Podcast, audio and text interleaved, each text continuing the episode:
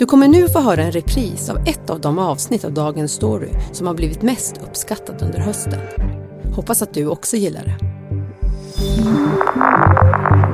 Hon blev världens yngsta regeringschef 2019 och har sedan dess fått rubriker världen över för sitt festande. Nämä videot on yksityisiä. Ne on Men också för sina träffsäkra one-liners. The way out of the conflict is to Russia to leave Ukraine. That's the way out of the conflict. Thank you. På en kvart får du veta hur man i Finland ser på att ha en statsminister med rockstjärnestatus. Look at the other leaders of Finland's coalition government. Huh? Look at that. Five women. Och varför hennes popularitet nu börjar dala på hemmaplan. Det är måndag den 17 oktober. Det här är Dagens Story från Svenska Dagbladet. Med mig, Alexandra Karlsson.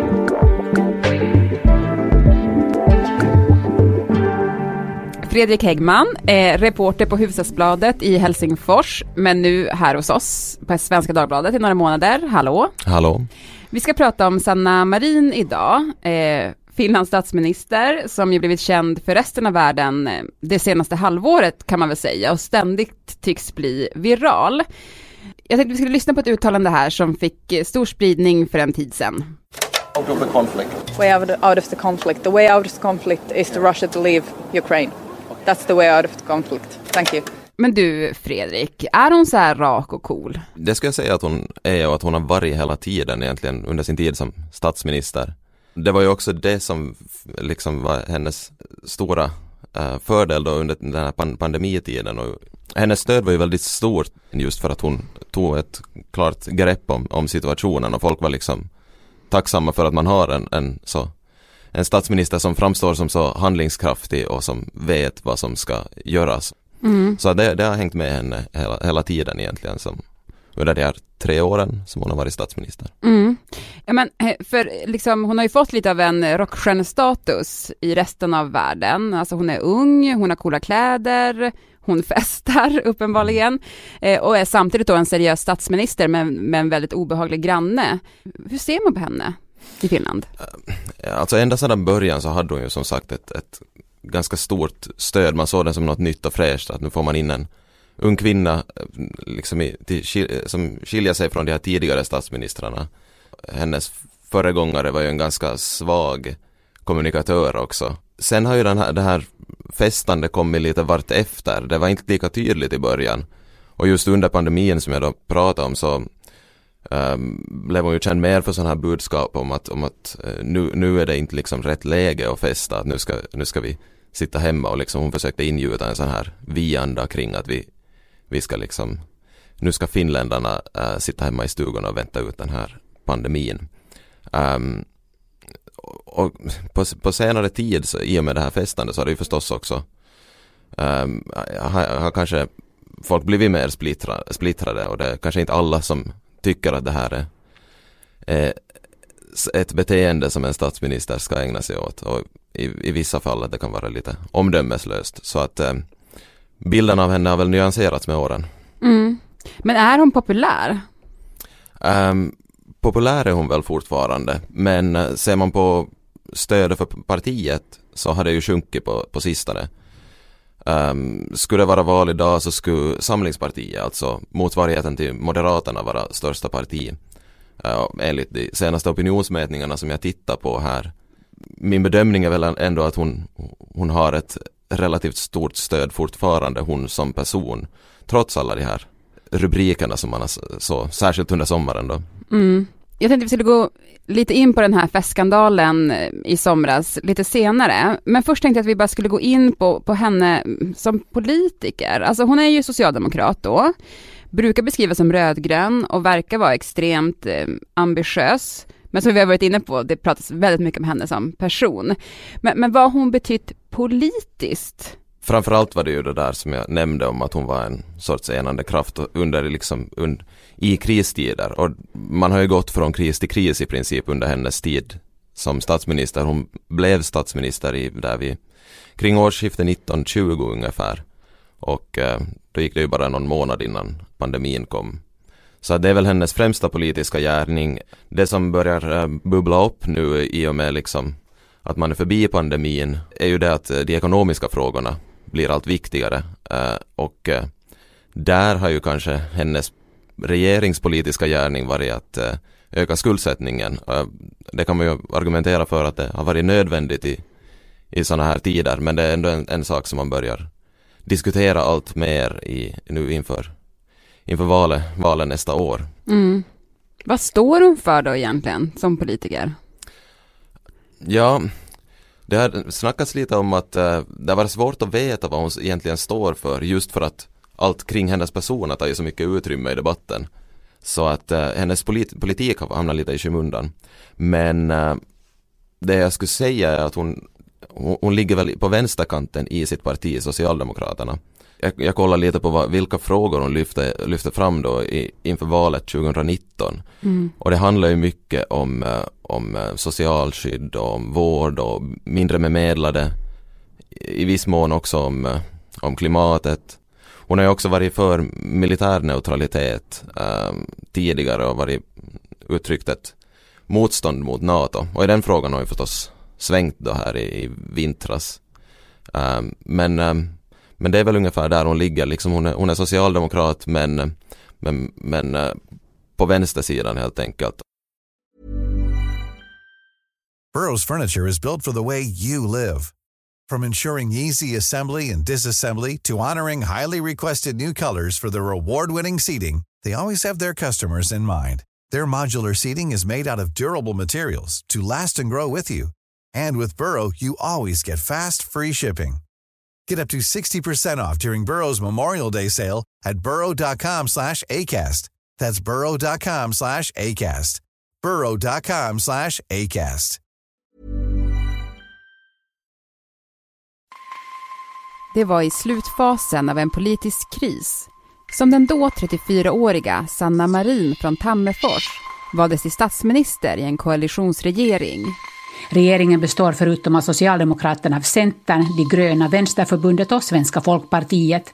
Hennes företrädare i Socialdemokraterna, Antti Rinne, avgick efter en omfattande poststrejk som han ansågs ha misskött. Och 2019 blev den tidigare kommunpolitikern riksdagsledamoten och kommunikationsministern Sanna Marin den då yngsta statsministern i världen. Det var svårt att urskilja vad hon sa eftersom kamerablixtarna avlöste varann under den ett par minuter långa presskonferensen. Den internationella uppmärksamheten exploderade genast. Bilderna på hennes regering bestående av fem partier, alla ledda av kvinnor, befäste bilden av Finland som progressivt och exotiskt. Sanna Marin is the world's youngest serving female prime minister. När hon då blev partiledare, alltså hur självklart var det att hon skulle ta över partiledarposten? I stunden då så var det väl inte alls någon självklarhet. Hon var inte jättekänd uh, som politiker. Uh, men i efterhand så kan man ju tycka att det ändå var ganska uppenbart att det skulle bli hon. För hon var så tydlig kontrast mot Antti Rinne som, som var den tidigare statsministern och han, han var väl en mer klassisk socialdemokrat så här och kanske framstod som lite grå i debatten. Och hon eh, ställde ju upp som eh, kandidat till, eh, till, till den här posten då mot Antti Lindman heter han. En annan socialdemokrat och han kanske representerade samma fåra inom SDP som, som då Antti Rinne. Och då blev Sanna Marin det här nya fräscha alternativet. Mm. Vi har varit inne på det, men, men sen hon kom till makten och de senaste åren så har hon ju haft en del tuffa kriser. Pandemin som vi har pratat om och så Rysslands invasion som ju förändrade allting för både Finland såklart och för Sverige. Det här oroliga världsläget, eh, hur har det påverkat förtroendet för henne? Inledningsvis så det, gav det ju henne en, en, en skjuts uppåt i opinionsmätningarna och eh, SDP hade ett väldigt starkt stöd då i början av pandemin eh, efterhand blev ju folk, en del av befolkningen trötta förstås på restriktionerna och det uppstod mer och mer debatt kring vad man egentligen ska göra men, eh, men inledningsvis så var det ju en, en boost ändå för henne. Och nu på sistone så har vi ju sett att, att stödet för SDP har dalat lite. Så att äh, den här senaste krisen som, som ju liksom får, tvingar upp de här ekonomiska frågorna till debatt på nytt. kanske är mer splittrande än den tidigare krisen. Mm. Du är ju finlandssvensk. Eh, vad har eh, hon för relation till, till landets svenskspråkiga minoritet?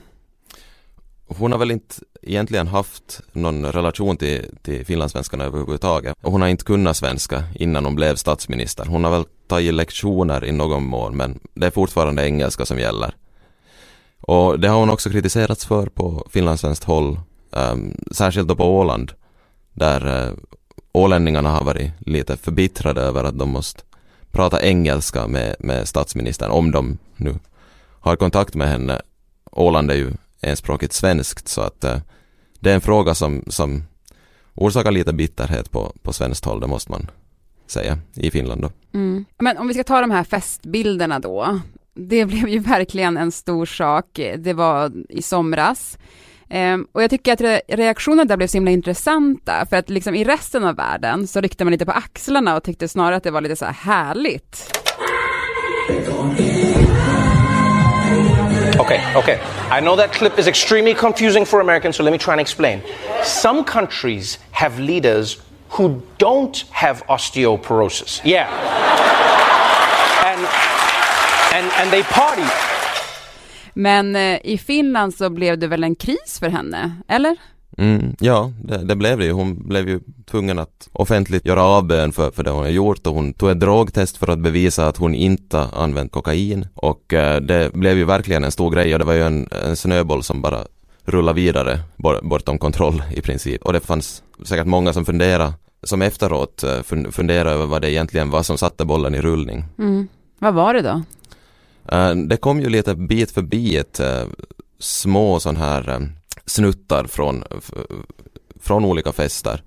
Som började i skvallertidningarna och efter att kanske då oppositionspolitiker eller andra lyft, lyft upp det här till debatt så tog också, togs det upp i etablerade medier och då blev det liksom en, en historia som, som gödde sig själv och sen kom det ju ännu mer klipp där, där det också där hon festade, festade i sin uh, tjänstebostad också. Det eskalerade, eskalerade helt enkelt. Mm. Hur gick debatten? Vad var det man var så upprörd över? Vissa såg så ju det som, som omdömeslöst att hon umgicks i sådana här kretsar där sånt här material kan spridas. Att hon som statsminister borde ha omdöme nog att, att vara, vara försiktig med, med hur hon umgås. Det var ju liksom influerare och, och sådana här, ska vi säga, um, B-kändisar som, som syntes på de här eh, klippen och eh, det, var, det var kanske det som var den ursprungliga reaktionen. Sen kom det ju också kritik mot att eh, hon eh, just att det, det spreds eh, bilder och material från Villa Bjälbo då och, och det blev en diskussion om, om, om det kun, liksom säkerheten har kunnat äventyras, eh, sådana saker. Och så blev det förstås en grej bara av det att, att omvärlden plockade upp den här historien så snabbt och att det blev en så eh, en, en sån världsnyhet att, att Sanna Marin är ute och festar och bara det får ju medier att skriva för att det är ju sällan som en finsk statsminister väcker så stort intresse utomlands. Mm. Eh, en sak eh, som ju skiljer eh, eh Sverige från Finland, eh, det är ju att ni har en president också. Sally Niinistö, eh, som ju också är välkänd och har blivit, eh, liksom varit väldigt mycket på, på tapeten sen Rysslands invasion av Ukraina. Och jag tänker lite på eh, hur rollfördelningen ser ut mellan dem, för att det känns ju som att Niinistö är den som har haft hand om relationen till Putin till exempel. Mm. Så är det ju rent formellt att eh, presidenten har ju ansvaret för utrikespolitiken i samråd med, med regeringen heter det fördelningen ser ju ut så att han, är, han, är ju, han ska ju vara en så här stabiliserande kraft, hans makt är ju i huvudsak formell. Det innebär att han gör statsbesök och han, han träffar uh, världsledarna. Han intervjuades ju ofta i utländska medier just kring invasionen just för att han sågs som en som hade, hade, hade bra koll på hur Putin tänker. Mm. Och till sist då, vad kommer hennes största utmaningar vara nu? Det kommer ju förstås vara att, att få partiets stöd att växa igen så att man kan behålla makten eh, efter valet som, då, som hålls eh, nu i vår. Och eh, mycket har det ju handlat nu om, om, om ekonomin som sagt. och eh, skuldsättningen. Skuldsättningen har ju ökat år för år och eh, oppositionen har kritiserat Sanna Marin och regeringen i stort för att det inte finns några spärrar kring vad man lägger pengar på egentligen. Um, och att det, det, skulle behöva finnas en större medvetenhet kring, kring den här skuldsättningen. Så det, det är väl en av de stora valfrågorna. Det har bubblat mycket inom, inom vården under hösten här och, och det, det är ju den, den eh, grupp som hon till stor del ta, talar för och som hon måste, som hon måste uh, vädja till och där har hon, hon ju vissa utmaningar. Um, så att jag skulle säga att det är ungefär där det ligger och så får man ju se också med stigande inflation, um, försämrad uh, köpkraft bland, bland uh, befolkningen och hur det utvecklas, vilka redskap man använder för att tackla det här. Det, det är väldigt, väldigt många lösa delar nu inför, inför valet, så att vi får se vart det svänger. Mm. Tack så jättemycket Fredrik för att du var med i Dagens Story. Tack. Burrows furniture is built for the way you live. From ensuring easy assembly and disassembly to honoring highly requested new colors for their award-winning seating, they always have their customers in mind. Their modular seating is made out of durable materials to last and grow with you. And with Burrow, you always get fast, free shipping. Get up to 60% off during Burrow's Memorial Day sale at burrow.com slash ACAST. That's burrow.com slash ACAST. burrow.com slash ACAST.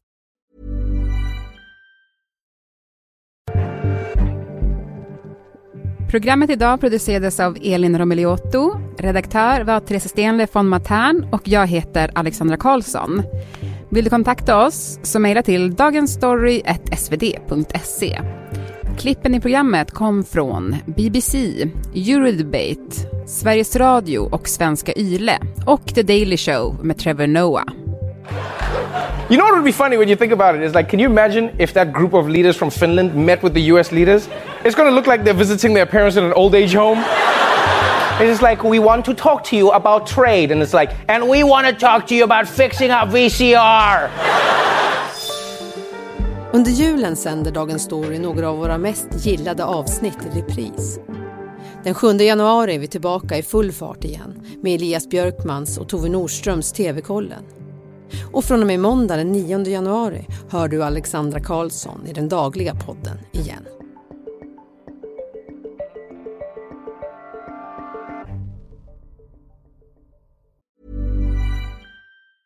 Normally, being a little extra might be a bit much, but not when it comes to healthcare. That's why United Healthcare's Health Protector Guard fixed indemnity insurance plans, underwritten by Golden Rule Insurance Company, supplement your primary plan so you manage out of pocket costs. Learn more at uh1.com.